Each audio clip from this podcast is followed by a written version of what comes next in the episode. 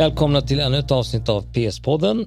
Idag har vi tema sjöliv.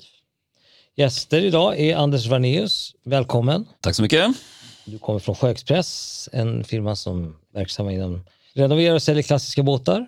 Stämmer bra det. Mm. Men det är inte bara du här, utan även Dagens PS chefredaktör Mikael Gullström gör ett eh, inhopp. Och det är ju faktiskt eh, ganska relevant, för han är ju en båtaficionado av stora mått och numera en ägare av Grand Banks.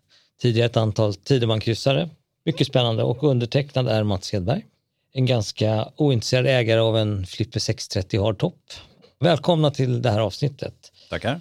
Tackar. Jag skulle först vilja fråga dig Anders, vad är Sjöexpress mer i detalj? Ja, mer i detalj. Det är väl, till att börja med kan vi säga att det är min dagliga gärning och har väl varit så i egentligen i sex år kan jag nog säga. Om vi ska ta en, en lång historia extremt kort så startades bolaget redan 1897 som ett försäljningsbolag för automobiler. På den tiden var ju automobilen en, en självgående tingest som drog sig framåt av sig själv med hjälp av då en förbränningsmotor. Men vad Sjöexpress mest är känt för egentligen är väl det varv det så småningom blev som drevs av en man som heter Henning Forslund som är en sån här legendar inom eh, motorbåtssporten i Sverige. Eh, Henning drev varvet från 1907 till 1946 och sen så hamnar i dval efter en brand 47. Och sen fick jag överta varumärket av familjen Forslund 1994 vad gör vi idag då? Ja, idag ägnar vi oss åt det som jag tycker brinner mest för av alltihopa. Det är att ta hand om svensk motorbåtshistoria faktiskt. Och det gör vi på många olika sätt. Dels genom att skriva om det och dels att hålla evenemang. Och, men sen också har vi en renoveringsverkstad fem mil söder om Linköping, en liten ort som heter Kölefors. Googla det så hittar ni i stort sett ingenting mer än Sjöexpress på den orten. Så är det.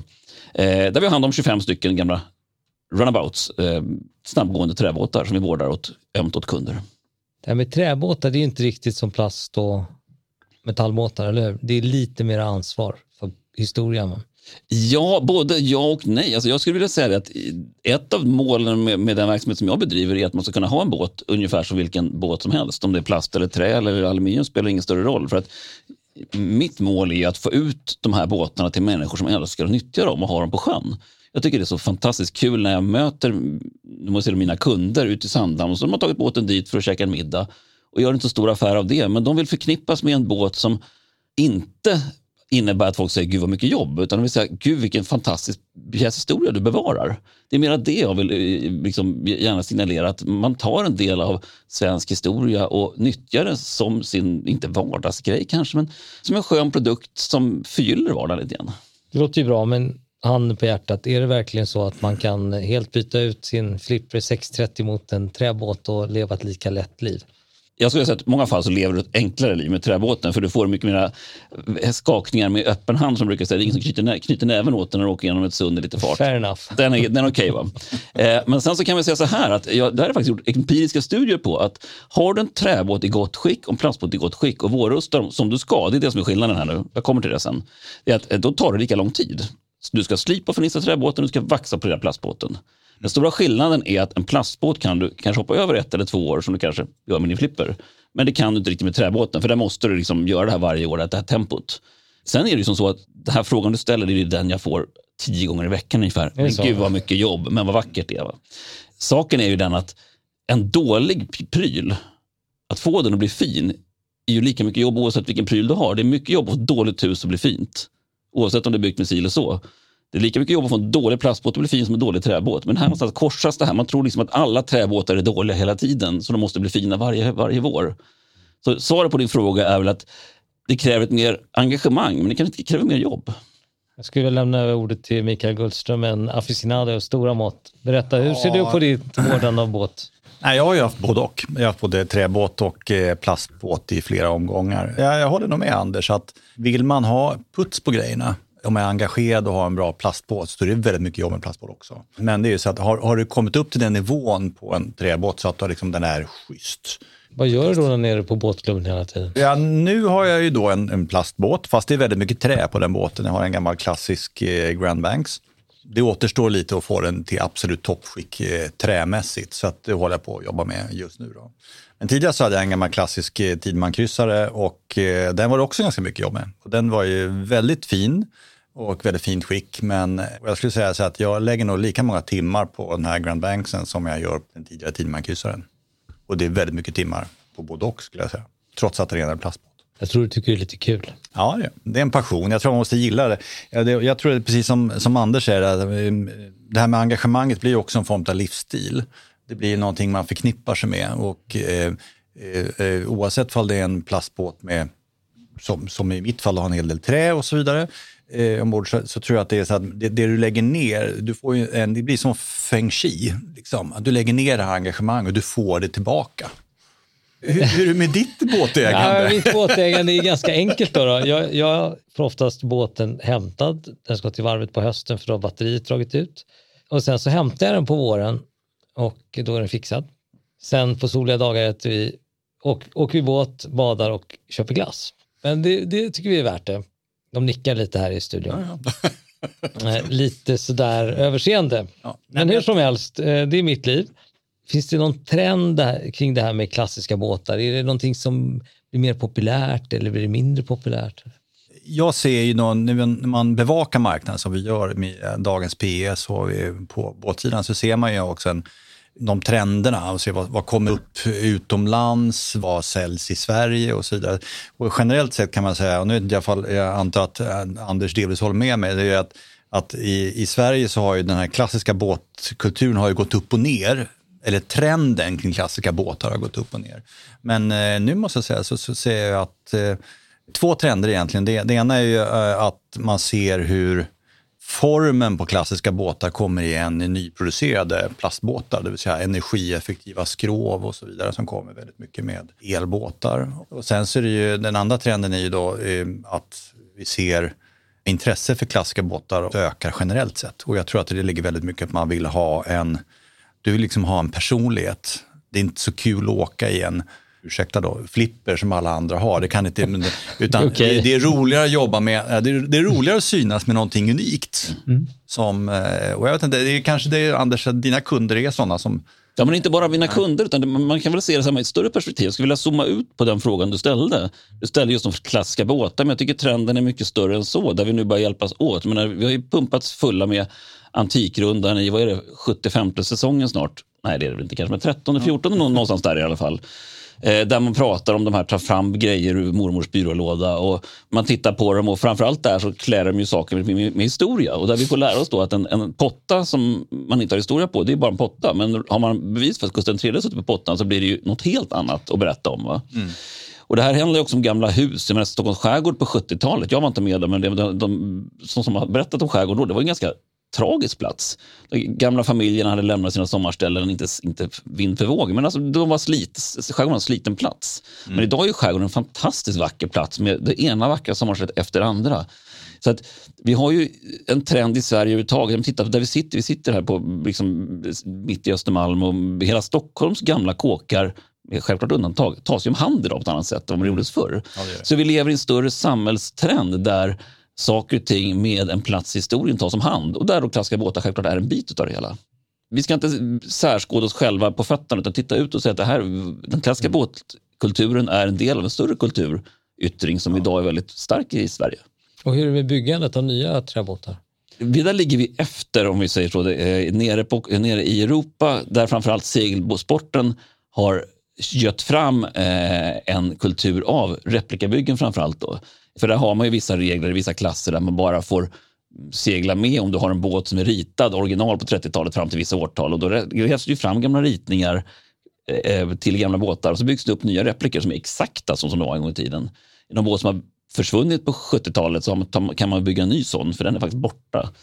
Eh, I USA så har det varit en väldigt stark trend, eller trend, ett inslag i den här miljön att man bygger repliker efter gamla båtar också och bygger nya självklart också. Och nu börjar det komma till Sverige och det är roligt. Så nu börjar folk bygga båtar efter gamla ritningar och egna tolkningar självklart också. Men så är det som Micke säger, den roligaste trenden nu för oss klassiker, det är ju det att de linjerna som gjordes på 30-talet, de kommer tillbaka i det vi ser idag. Mm. Vi går på båtmässan som kanske nu kommer faktiskt hållas i vår igen då efter pandemistopp. Så kan jag nog gå runt och säga, vi pekar ut, vad tror du Micke? 30-40 båtar som vi kan hitta linjer av från förr som är direkt appellerar till våra klassiska hjärtan. Ja. Och för oss som är då lite okunniga, vad är det som utmärker de här linjerna? Ja, alltså det hela handlar om energi egentligen från grunden. För när, när motorbåten föddes då i slutet på 1800-talet så hade man väldigt små motorer. Och har man väldigt liten motor och vill ändå få fart genom vattnet så måste du ha ett väldigt energieffektivt skrov. Det säga att långt och smalt, då kan du göra fart genom vatten med liten motor. Sen vart motorerna större och så ser utvecklingen blivit. Då kunde du trycka fram vilket skit som helst genom vattnet så fick det gå fort för en stor motor. Då. Men det är ju liksom där, tillbaka idag nu så har vi energibrist, antingen prismässigt sett på drivmedel eller så med hjälp av el så kan vi då Elmotorerna är inte så stora och starka ännu, men de räcker till att driva de skroven som ritades då. Och därför tar man tillbaka det nu igen. Exempel då, då C.G. Pettersson till exempel, en av våra största konstruktörer kan man mm. säga. Och som var verksam där? Ja, Anders kan mer om Sega, han har skrivit boken. Ja, men faktiskt. Jag roar mig med att skriva en bok om den här mannen och så att han ligger mig ganska varmt om hjärtat. Alltså, om vi ska presentera den här mannen nu med att det kom upp då, så kan man säga att Pettersson båt är ju, säger du att du har en träbåt till folk på krogen så säger man, har du en Pettersson båt? Säger man då, för det är sådana mm. begrepp som folk har inmutade i skallen. Gammal träbåt, Pettersson båt. Mannen bakom begreppet hette då Carl Gustaf Pettersson och verkade stort sett från år 1900 fram till 1953 då han dog. Och det är, liksom, det är mannen som, som satte svensken i, i motorbåt i vattnet ungefär kan man säga. Och Petterssonbåten då, ja vad är det då? Ja, men det är en 7,5 meter lång ruffbåt. Det är 7,5 gånger 1,65. Han sa att den är så smal så byter du sida på snuset under läppen så tippar den. Liksom. Det är lite folkmunsgrepp. Så att det, han var liksom lite motorbåtens fader kan man säga i Sverige lite generellt. Har vi några andra som förtjänar att nämnas? Alltså vi, vi, vi, tar det framöver tycker jag, för där så börjar vi sparka på den, då, då sitter vi och pratar här tills, då blir det väldigt, då blir det väldigt långt. Men det finns självklart, eh, vi kan ju komma in lite lätt på det här då med, med alltså Sveriges plats i ja. båthistorien lite slightly sådär. Eh, och vi var ju väldigt stark och är fortfarande väldigt stark motorbåtsnation. Vi var väldigt tidiga med, med liksom egna konstruktörer och bra. Vi tävlade i Europa redan i början på 1900-talet med motorbåtar. Så att vi var en väldigt tidig stark sjösportsnation som är ju grunden. I, när vi tittar på KSSS som är det Kungliga Svenska Segelsällskapet. Det grundades 1830 som är en av världens äldsta fritidsbåtsföreningar om vi ska kalla det så lite generellt. Så, så, så fritidsbåtsporten i Sverige kontra utlandet är en väldigt gammal och väldigt genuin företeelse. Kan man säga någonting om segelbåtar kontra motorbåtar här? I vilken aspekt tänker du på då? Trenden över tiden och, och eh, vad vi ser nu. Alltså det är en jättefråga. I min lilla värld så är det en stor fråga. Mm. Men vi kan väl säga så här, det, det roligaste, vi nämnde det lite grann innan vi gick in hit och började prata, så pratade om hur sport, båtsporten är ute på gatan. Liksom, att det är en väldigt platt organisation. För kan du någonting inom segelsporten eller båtsporten så är vi alla jämlika inför, inför båten på något sätt. Mm. Och Det som är lite roligt då med fritidsbåtens utveckling i Sverige var att väldigt tidigt, alltså redan slutet på 1800-talet så bildades de första arbetarklubbarna. Det vill säga KSSS då, som vi nämnde tidigare, det var ju självklart det var en snobbförening om vi ska kalla det så, som endast de bäst bemedlade i Stockholm då, som det här gällde var med i. Då. Men ganska snart, då, i slutet på 1800-talet, så bildades eh, arbetarföreningar. Det det, man gick ihop ett gäng gubbar och byggde ofta båtarna ihop och så skapades det liksom en, en bredd på kulturen vad heter de här klubbarna? Vi har ju några stycken. Du Micke ligger ju inne i Brunnsviken. Yes. Och just eh, Stallmästargården var väl inte en arbetarklubb, men du, du, tar Haga till exempel som ligger där inne. Och du har även Brunnsvikens segelsällskap, bara för att nämna några i en fläck på mm. kartan. Mm.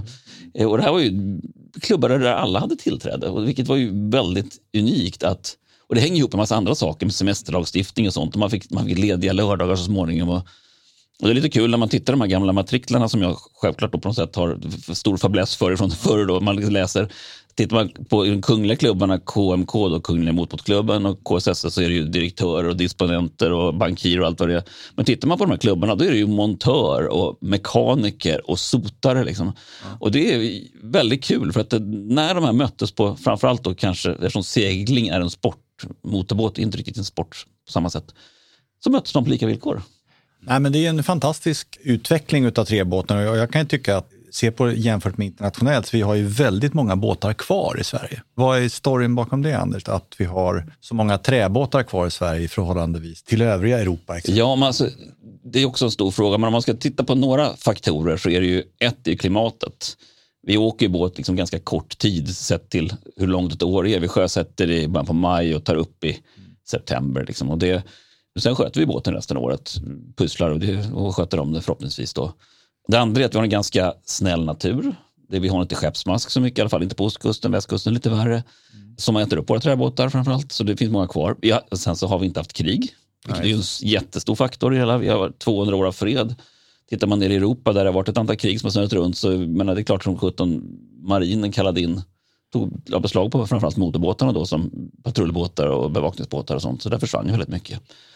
Men sen är det en tredje, vad blir det? Fjärde sak blir det till och med. Jag tycker det är väldigt intressant och det är ju det här med att svensken är en väldigt kompetent person. Generellt. Han är duktig på att mecka själv. Vi kan jämföra med liksom våra bilhobbyn då, som är en väldigt stor företeelse i Sverige också. Svenska amatörrenoveringar generellt håller en fantastisk klass internationellt sett. Alltså, men, svensken är en duktig typ. Liksom. Ja, och, och är duktig på att pilla och fnula själv och laga och fixa och fnula. Det är att han har hållit liv i det här grejerna på ett, på ett annat sätt. Är, alla har ju inte råd att lämna in till varv och sköta, men kompetensen finns även ute på fältet liksom, på ett helt annat sätt. Jag tror, jag tror nu kastar jag ut en boll. Kör, kör. Ja, jag kastar ut en boll liksom här i världen som alla forskare kommer, kommer sparka på. Jag tror att svensken är en av världens händigaste folk. Vad säger har i alla fall en ingenjörstradition, det kan vi ja. ju mm. konstatera. Mm. är, är, det inte så att, man, att svensken är väldigt händig, Mats? ja, det finns ju då undantag. Eh, om ni inte förstod det så kan, kan man spåra en viss ironi i rösten. Eh, sen finns det de av oss som är mindre händiga men beundrar de händiga. Så. Ja. Eh, men det är uppenbart att folk tycker, många tycker det här är kul. Mm. Jag menar, ta båtklubbarna hjälps man ju åt att sjösätta och det, allt det här gör ju jag vet inte om det är så utomlands, men det är jättestort. Nej, båtklubben är ju dessutom en ganska alltså, ostkusttradition, men det finns inte samma utveckling på, på västkusten faktiskt. Vi skiljer på redan där. Och, och, det är just som säger, man hjälps åt och skapar en gemensam bas för att det här ska funka. Liksom. Och det är helt unikt. Båtklubben som företeelse är unik. Och nu är väl den lite i takt med att allt ideellt arbete håller på att fasas ut för att man har så mycket att styra med. Och man säger att 1974 hade vi 1,3 intressen per person. Idag har vi 4,4 eller vad det är. Oj. Och det är klart så 17, det ska in på samma fem veckors semester. Så det är klart så 17 att en ideellt arbete tappas bort på vägen någonstans. Ja. Båtklubbarna är ju definitivt en, en bit i det hela också, en nyckel till, till varför det finns så mycket båtar kvar. Om man tittar på det och eh, sen lite snabbt går in på värdet. Jag tänkte, det har ju varit en fantastisk utveckling på veteranbilar exempelvis och så vidare. Så har det varit samma utveckling på, på båtar? På båtpriset då? Nej, alltså det, det, har väl två faktorer i det hela. Det ena är att veteranbilarna ligger ju 30 år före på veteranbåtarna som hobbyföreteelse. Såklart de har en helt annan grund att stå på idag med en helt annan bas som är längre och större och starkare. Sen är det väl lite nackdel att menar, menar, alla unga, menar, vi har alla drömt om en Ferrari. Men alla drömmer om Ferrari. Jag menar, vem du pratar med så vill alla sitta bakom ratten på Ferrari för att man vet om vad en Ferrari är och står för. Det är ingen som drömmer om Pettersson-båten? Man vet inte om det. Alltså, du vet inte om Nej. vad du ska drömma om i båtvärlden. Det finns inte lika starka varumärken. Vi har ju ett mm. varumärke som är det starkaste i motorbåtssidan. Det är Riva, italienska Riva. Ja. Som har blivit någon slags ja, men Ferrari på sjön om vi generaliserar lite grann. Förtjänar de det ryktet? Det tycker jag absolut. Kanske inte båtarna i sig helt och hållet till 100 procent, men däremot det otroliga marknadsföringsarbete som då Carlo Riva, som han hette, gjorde för att marknadsföra den snabbgående träbåten som lyxföremål. Alltså det är ett arbete han gjort som, som jag, jag säger jag tackar honom varje dag. Det är tack vare att han gjorde det som jag idag kan boosta hobbyn som vi gör. De är ju snygga. Absolut. Men absolut, men samtidigt så är det ju, det är en båt som när, när Aquaraman, den är en av Rivas modeller, när, när ritades den? Var det början av 60-talet? Ja. När vi tänker på klassiska båtar, då tänker vi på 1910, 1920 och så vidare. Så liksom, I det klassiska perspektiv så är det ju en relativt ny båt. Men där kommer vi nu, alltså nu kan jag vända på kuttingen, vad skönt, det kan ja. jag sätta mig, jag börjar bli lite varm i stolen här. Ja. Alltså, Mats, alltså, vi pratar klassiska båtar, då måste jag ju fråga utifrån mitt perspektiv, vad är en klassisk båt för dig? Nu kommer jag verkligen riskera att trampa i klaveret här. Är den gjord av trä så är den klassisk för mig. Det är ungefär där. Mm. Så det kanske är vad då, 60-talet? Mm. När började man med plastbåtar i stor skala? Är inte det på 70-talet? Och det är där vi har lite grann en, alltså det är precis, du svarade precis det jag ville höra egentligen för att kunna fortsätta prata på. Här. Vad det var egentligen stanna vid och det, det här, Du frågade lite grann förut det här med bil, bil, veteranbil veteranbåtar. Vi har ju en skärningspunkt i båtvärlden som inte bilvärlden har, som de slipper, som är faktiskt ganska skön för dem. De har ett, vi har ju det här materialvalet och det var därför jag var så glad att du svarade just plasten. Där, va? Bilden av en klassisk båt, precis som du svarade Mats, det är att den är gjord av trä. Men liksom den första plastbåten vi har byggd i Sverige av någon slags storlek, den byggdes 54. Och det är ju ett Det är ett tag tag sedan. Det är ett tag sedan. Va? Hur Eh, såg den ut? Den är faktiskt väldigt jätteful. Jag har den faktiskt själv, den båten, av en, som har en konstig anledning. Den här diskussionen slipper bilvärlden med, med materialet. För bilvärlden säger de 30 år och så bakåt i, i veteranbil. Det är väldigt enkelt. Sen vad det är gjort som material, det, det skiter de i helt enkelt. Medan vi i båtvärlden måste hela tiden försvara plastbåten som gammal båt. Vilket ju gör att det hela lite svårare för oss att sälja in den klassiska båten. För menar, hur många minns en båt från 40-talet liksom, idag? Jag är beg to differ, höll jag men, men är, jag kan tycka att från- för mig så är ju klassisk båt, det kan ju lika gärna vara en, en plastbåt. Så det handlar mycket, för mig personligen väldigt mycket om design. Man hittar designlinjer, för det är så otroligt, man hittar designlinjer från, ifrån konstruktörer, så det är tydligt man hittar en 40-talare, en 50-talare, en 60-talare. 50-talet uppdelat i, i två olika liksom, spår. Man pratar liksom, den tidiga rundade designen till att bli mer liksom, 60-tals funkis liksom, på slutet av 50-talet. Och även där finns det ju fantastiskt fina och duktiga båtkonstruktörer som, som har ritat det jag kallar för klassiska båtar som eh, Ray Hunt till exempel. Som, som gjorde från början eh, träbåtar men sen, sen blev plastbåtar och han ligger tillbaka bakom Bertram och Grand Banks, några modeller och så vidare. Så att det finns ju väldigt många eh, duktiga konstruktörer, även plast, som jag tycker förtjänar att bli kallad klassiker inom. Absolut.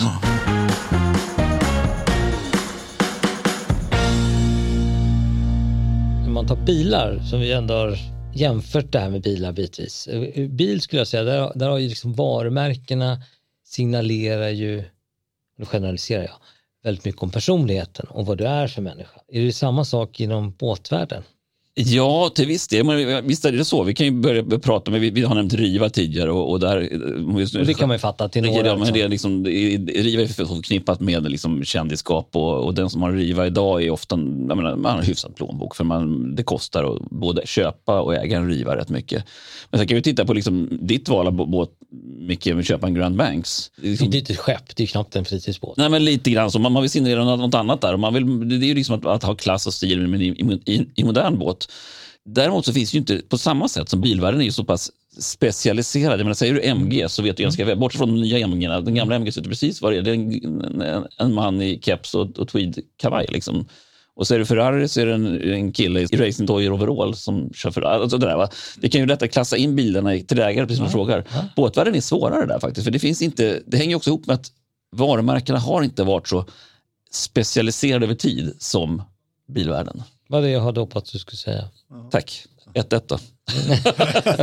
jag vet inte när 1-0 kom till, men det fast det var väl någon gång tidigare. Eh, Men samtidigt om vi tittar på de nya elbåtarna som kommer till exempel, så det, är ju, det, det här är ju en viss tid att det är liksom early innovators som, som, som köper den. Och om man tittar på en, en Candela till exempel. Och en Fiat en- Plonka va? Och då är man antagligen kanske en ung entreprenör. Det är Ja, som har jag sålt. Eller någon en rejäl eh, finanskille. Eller Men det är ju samma signalsubstans vi talar om här. Det är lite kul när vi börjar gå in på det här. Menar, du väljer din Riva för att du vill signalera att jag, vill ha, jag, jag tycker om historia och klass. Du väljer en Candela för att visa att jag hänger på framkant på utvecklingen. Så det finns ju de här signalsubstanserna kan vi nog, vi börjar prata en stund, kopplat till varumärken faktiskt. De är inte riktigt lika utpräglade skulle jag vilja säga. Nej, det är inte lika mycket fyllt med fördomar ändå om vi säger så. Nej, så kan man också säga. Det bekommer inte med en sekund att jag åker omkring i en Flipper 630. Mm. Det signalerar ingenting antar jag. Men det, och det bekymrar mig inte. Nej. En bil skulle jag tycka var lite känsligare.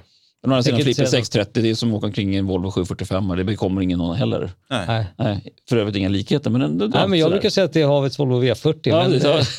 eh, Vi har, vi har en annan ord här som håller på att snurra runt här, här va, med, med vem som köper vad. Och det är det här ordet nostalgi som ändå är det som egentligen driver hela den här världen som vi håller på att snacka om.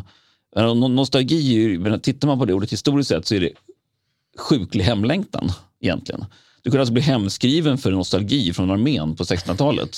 För du, du, sak, du saknade morsan så mycket så du var tvungen att skicka hem. Du kunde inte krig, strida längre. Var det så? Ja, så, så är det. Det är liksom bakgrunden på det ordet. Och det där är ju liksom, apropå det här med, med, med plastbåten och träbåten och så vidare. ja, Alltså, vi som lever idag har ju våra nostalgiska känslor för det vi växte upp med. Ja. Och därför är det då, liksom, för att koppla tillbaka till resonemanget med plastbåten, det är viktigt att vi inte tappar plastbåten som gammal båt. För jag menar, det, är där nostalgin finns idag. Går du och frågar folk på gatorna, så jag menar, det är ingen som minns 1913. Vet du, Man minns ju nästan, vadå, minns 1973, det är där vi har liksom nostalgin börjar liksom landa runt idag. Så att i den här debatten som fångar framtidens båt och bilägare för all del, eller husrenoverare alltihopa. Det gäller att, att hänga med i utvecklingen, att vi klassar in moderna föremål som gamla, för det är där nostalgin finns. Jag har en liten dröm, alltså, det låter helt bisarrt att vi pratar om gamla båtar. Att man kan prata om gamla roliga 30-talsbåtar och så vidare. Men tänk att hitta en Bayliner 1987. Du vet när det var som värst. När plastbåtarna var som värst. De var, som, de var som sämst. De var, alltså, det var super, men alla köpte det. Ja. Tänk att hitta en sån helt original 1987 med alla stripes, all inredning, instrument, alltihopa bevarat. Jag har försökt i tio år hitta en sån. De finns inte. Nej. Där har du en framtida Men jag trodde, jag trodde inte båtar skrotades lika frekvent som bilar till exempel. De slits lika mycket som bilar och, och eh, de dör en långsammare död. Bilen har skroten som en liksom, the end. Men båtarna dör på baksidan av laggorn eller i, ja, sänks eller någonting. Va? Från hur länge man ser de här leva. Tyvärr så är det inte i originalformat, gamla Baylanders och så vidare. Men, men, man hittar dem ju på klubbar runt om i Stockholm eller runt om Sveriges kuster. Det är sällan i originalskick. Ja. Utan i... Men de var ju dåliga när de var nya. Liksom. Ja. Så det är klart att 17 det renoverades. Jag jobbade nere på KMKs brygga vid Djurgårdsbron här i några år. Och vi fick in, det var 93, 94, då var alltså de här båtarna fem år gamla. Och då mm. var de halvslut redan då. Så det är klart att, att hitta en sån orörd, det är ju nästan omöjligt. Ja. Apropå nostalgi, nu börjar jag prata om min, ja sådär va. Ja. Ja. När du tänker på din, din båthistoria Mats. Ytterst begränsad. Ja. Men du har jobbat på varv. Jag har jobbat på varv, kort och ett, eh, en del skulle säga ett misslyckad karriär. Men jag kände mig spänd som 14-åring. Ja. Jag jobbade på då, hette Neglingvarvet Saltsjöbaden, tidigare anrika Plyms numera nedlagt och bostäder. Hamnade där. Där var jag, hade ju många rikingar sina båtar. En av mina första dagar där så stod jag, först fick jag blanda bronsfärg. Alltså då blandar man färger med faktiskt bronspulver. Och sen skulle jag måla en båt. Jag visste inte vad det var för båt jag målade, men jag ställde mig glatt och målade med det var ju stort skrov kan jag säga. Så jag bottenmålade den där med en lång jävla roller och måla och måla och måla och sen så satt jag och typ fika eller åt mina lunchmackor och då kommer varvschefen in och bara vrålar i vem har målat över ekolodet på Wallenbergsrefanet med bronsfärg? det var ju liksom inte någonting man smet ifrån för det fanns två, två unga som jobbade på Kort karriär i båtbranschen. Kort karriär i båtbranschen. Det var några, några helger men, men jag har ändå jobbat. Och Nivingvarvet är inte fy skam jobbat på? Nej, Nej, det förstod inte jag riktigt då, men eh, det har jag förstått efteråt. Om du väljer bort att inte berätta om det där så kan du nästan ta det i ditt första CV där faktiskt. Jag vet, men nu har jag lovat min mamma att jag inte ska ljuga, så jag har slutat Nej. att ljuga. Ja. Mm. I alla fall inte så ofta. För att Anders, för att återknyta det här till historia och, och träbåtar, eh, det här med att man tror att det, är, att det tar mycket tid. För en av dina eh, i Sjöexpress, det är ju att ta hand om de här båtarna. Mm. För de som inte har tiden. Mm. Ja. Det är precis så. Det är, faktiskt, det, är en rolig bit. Vi kör ju samma service som med de här plastbåtsvarven kanske lite till och med extra, men det, det handlar mycket om relationer. Jag åker ju hem till folk och hämtar båtarna på hösten och hämtar nyckeln och fikar och, tar, och snackar lite skit och pratar vad vi ska göra på vinter. Och så, så sköter vi om båtarna på höst, eller över vintern och sen så lämnar vi tillbaka dem i bryggan på våren. Och det som är lite roligt, som är lite så baklänges eh, humor i det hela, att jag tror att 50 procent av mina kunder inte har en aning om vad deras båt är på vintern. Jag menar, alltså, jag menar, du har den jag menar Kölefors, var ligger det liksom? De lämnar nyckeln till mig och säger hej vi ses i vår och sen så åker jag iväg och så tänker jag det blir ja. nog bra för den kommer ju i vår sen. Och, nu, och var ligger då Kölefors? Kölefors ligger då alltså 4,5 mil söder om Linköping, rakt söderut ner mot Vimmerby. Så det... alla ni som passerar till Astrid Lindgrens Värld, ni passerar verkstaden med ett stenkast ungefär, fast det syns inte på vägen. Det är en gammal yxfabrik från början. Så det är lite, lite motsägelsefullt att det som förr i tiden slog sönder träet, det vårdar vi idag. Liksom. Är det i stort sett alltid inombordare? Allt inombordare. Vi har konceptuerat oss stenhårt till just de här, det som vi, vi hade ju tävlingen Sveriges vackraste runabout. Och det är den typen av båtar som jag brinner för. Och varför jag gör det? Jag hade en kort historia. Vi har kvar min farfars fars gamla racerbåt som han köpte ny 1921. Och den, den, har inte lämnat familjen? Nej, den har varit i familjen hela sitt liv. Den är fortfarande i ny, skick, helt original, orörd. Så den har liksom fött ett intresse hos mig. Och hur mycket har den använts? Varje år fram till för 20 år sedan ungefär. Det var familjens bruksbåt. Det var inget speciellt med den. Det var en användarbåt. Nu har det väl blivit lite mer sådär väldigt sällan ska jag säga, för att nu har jag inte haft den i sjön på massa år, för jag har inte hunnit eller hunnit engagera mig. Den ligger i sitt båthus och mår alldeles utmärkt där den ligger. Det är ändå respekt. Det är, som jag säga, det är historia. Jag brukar säga det för att inga övriga växlingar på det, men jag brukar säga att jag har min sambo, mina barn och den här båten. Det är liksom det som är mitt liv. Kommer I den min- ordningen eller? Då får jag nog säga barnen först då. Men båten kommer faktiskt på tredje plats, så är det. Men det är inte den enda båten du äger, för du har ju flera båtar. Nej, men så har, det, så har det ju blivit och det är väl liksom sån här, folk brukar ju fråga, ett, vad jobbar du med egentligen? Det är en sån fråga jag brukar få, för folk inte får riktigt grepp om vad man håller på med när man håller på med mecka med gamla träbåtar. Men det har vi ju gått igenom hyfsat vad jag gör. Men sen är det så här, hur många båtar äger du själv då? Och det är en sån här liten pinsam fråga, för det vet jag faktiskt inte riktigt. Någonstans där efter 15 så tappar man lite grann kollen på vad, hur, hur många det är man har. Och det är träbåtar allihopa? Det är bara träbåtar allihopa. Men det bygger i, i, och med att jag har, i och med att jag har verksamheten. Så liksom, mycket i, i det här livet som jag lever är ju det här att prata med folk och prata med de här gamla familjerna som hade båtarna en gång i tiden och söka deras historia. Det är klart som sjutton på vägen springer man på grejer. Det ligger båtar i båthusen eller så får man tips om någon ringer in och säger hör du min farfars gamla båt, nu behöver jag bli av med den. Och det är klart, jag har svårt att bara säga, ja, men, ja vad kul då. Utan då köper man den där, eller får den, eller hur det nu blir. Och sen så placerar man ut den till kanske i bästa fall en kund, så blir båten en kund i verksamheten och sen så lever den vidare. För det är mycket det här att placera hos nya ägare, det är en väldigt kul grej. Inte bara, du sa förmedling i verksamheten, det håller jag också på med självklart, men det är väldigt roligt att hitta en båt, lyfta fram den, marknadsföra den, jag menar så som vi skriver om grejerna, liksom att det här är en bit av historia. Och sen kommer någon och säger, att det, där är min... det är faktiskt de roligaste försäljningarna apropå detta det är som en trend som har kommit nu sista tiden. Det är det att gamla familjer hör av sig. De sitter på juldagen och tittar i album. Och säger de, titta där är morfars båt, undrar var den är. Och då ringer de dig? Och så ringer de mig och säger, hej jag heter så här och morfar hade en båt som heter Putte, känner du till den? Nej, inte Putte, men så har du någon bild? Ja, och så kommer någon sms och så får man en bild på Putte. Ja, men det är ju en sån där. Ja, men det... Och sen så får man då någon slags beställning av att hitta Putte. Och då handlar det inte om att hitta en sån putte, utan det handlar om att hitta putte. individen putte. Liksom. Och det har gått några gånger, kanske en sju, åtta fall, som jag hittat putte. Och det är väldigt, väldigt roligt att kunna på sommaren sen då leverera tillbaka putte till familjebryggan där den var som ny. Efter kanske 50 år eller 60 år från familjen. Det är kul. wow. Men du är ju lite som, känd som specialist att hitta gamla båtar. Vad är det, liksom, den roligaste båten du har hittat? Det här är en fråga som är helt knäpp. Jag har, eh, ännu har jag faktiskt inte hittat den roligaste båten. För att du inte vet vad du söker eller för att du inte har hittat den du söker? Jag har inte hittat den jag söker. Det finns två historier som är ganska långa och ganska roliga. Men eh, i alla fall, det, det ska finnas två stycken extrema svenska mm, sådana runabout som ligger i en lada strax norr om Stockholm. Och det är dina enda ledtrådar? Det är min enda ledtrådar. Jag fick kontakt med gamla ägaren medan han levde. Och det var lite roligt därför att han, eh, han då var jag 14-15 år ungefär. Och, jo, men vi fick jättebra kontakt med honom och sa du på fredag och får inte kolla på båtarna för de finns faktiskt kvar. Har du kvar dem? Ja, de finns kvar. På fredag åker vi. Så ringde jag på fredag morgon. Nej, jag kunde, inte- kan inte idag. Vi får ta det nästa fredag. Och så höll det på så där i ja, tre, fyra, fem, sex, sju, åtta veckor och sånt där. Och sen så till slut så tappade jag väl lite orken och vänta liksom. Så gick det en månad så säger pappan en morgon att har du sett att den här gubben du pratar med, han, han är död. Och vilka båtar var det? Ja, det var en gammal eh, stegbåt som heter en gammal, ja, en snabbgående, extremt snabbgående svensk ritad stegbåt. Och Och vad är en stegbåt då? det är en, en tävlingsbåt kan man säga, fast i civil version. Vi ska inte gå in på detaljer för då blir det fackspråk och det är väldigt tråkigt. Eh, sen är det då en extrem amerikansk 10 meter lång kupé-racer från 1930. Men Vilket det, märke? Garwood. Garwood. Mm. Med en V12 i.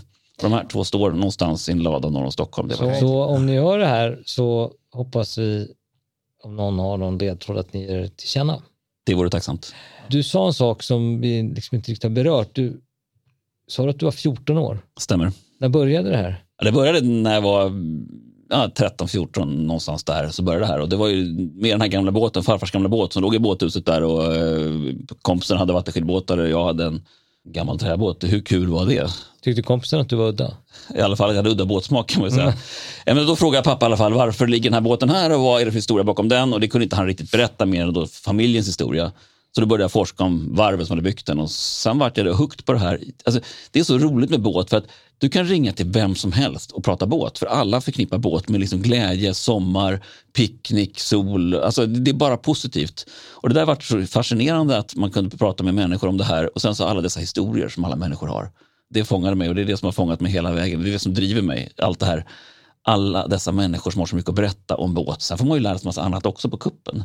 Jag, menar, jag har varit hemma hos alla de här familjerna med Kryger och Wallenberg och alltihopa här. Bara för att jag kan båthistoria. Det är lite roligt faktiskt. Det där tycker jag är en ganska fin avslutning på den här podden. Och den är också en fin övergång till framtida poddar. För om ni inte har förstått det nu så finns det ganska mycket att prata om. Jag är säker på att vi kommer tillbaka och att vi får ha dig här igen Anders. Och eh, Micke, du sitter ju alldeles bredvid poddstudion så det kommer vi garanterat att ha.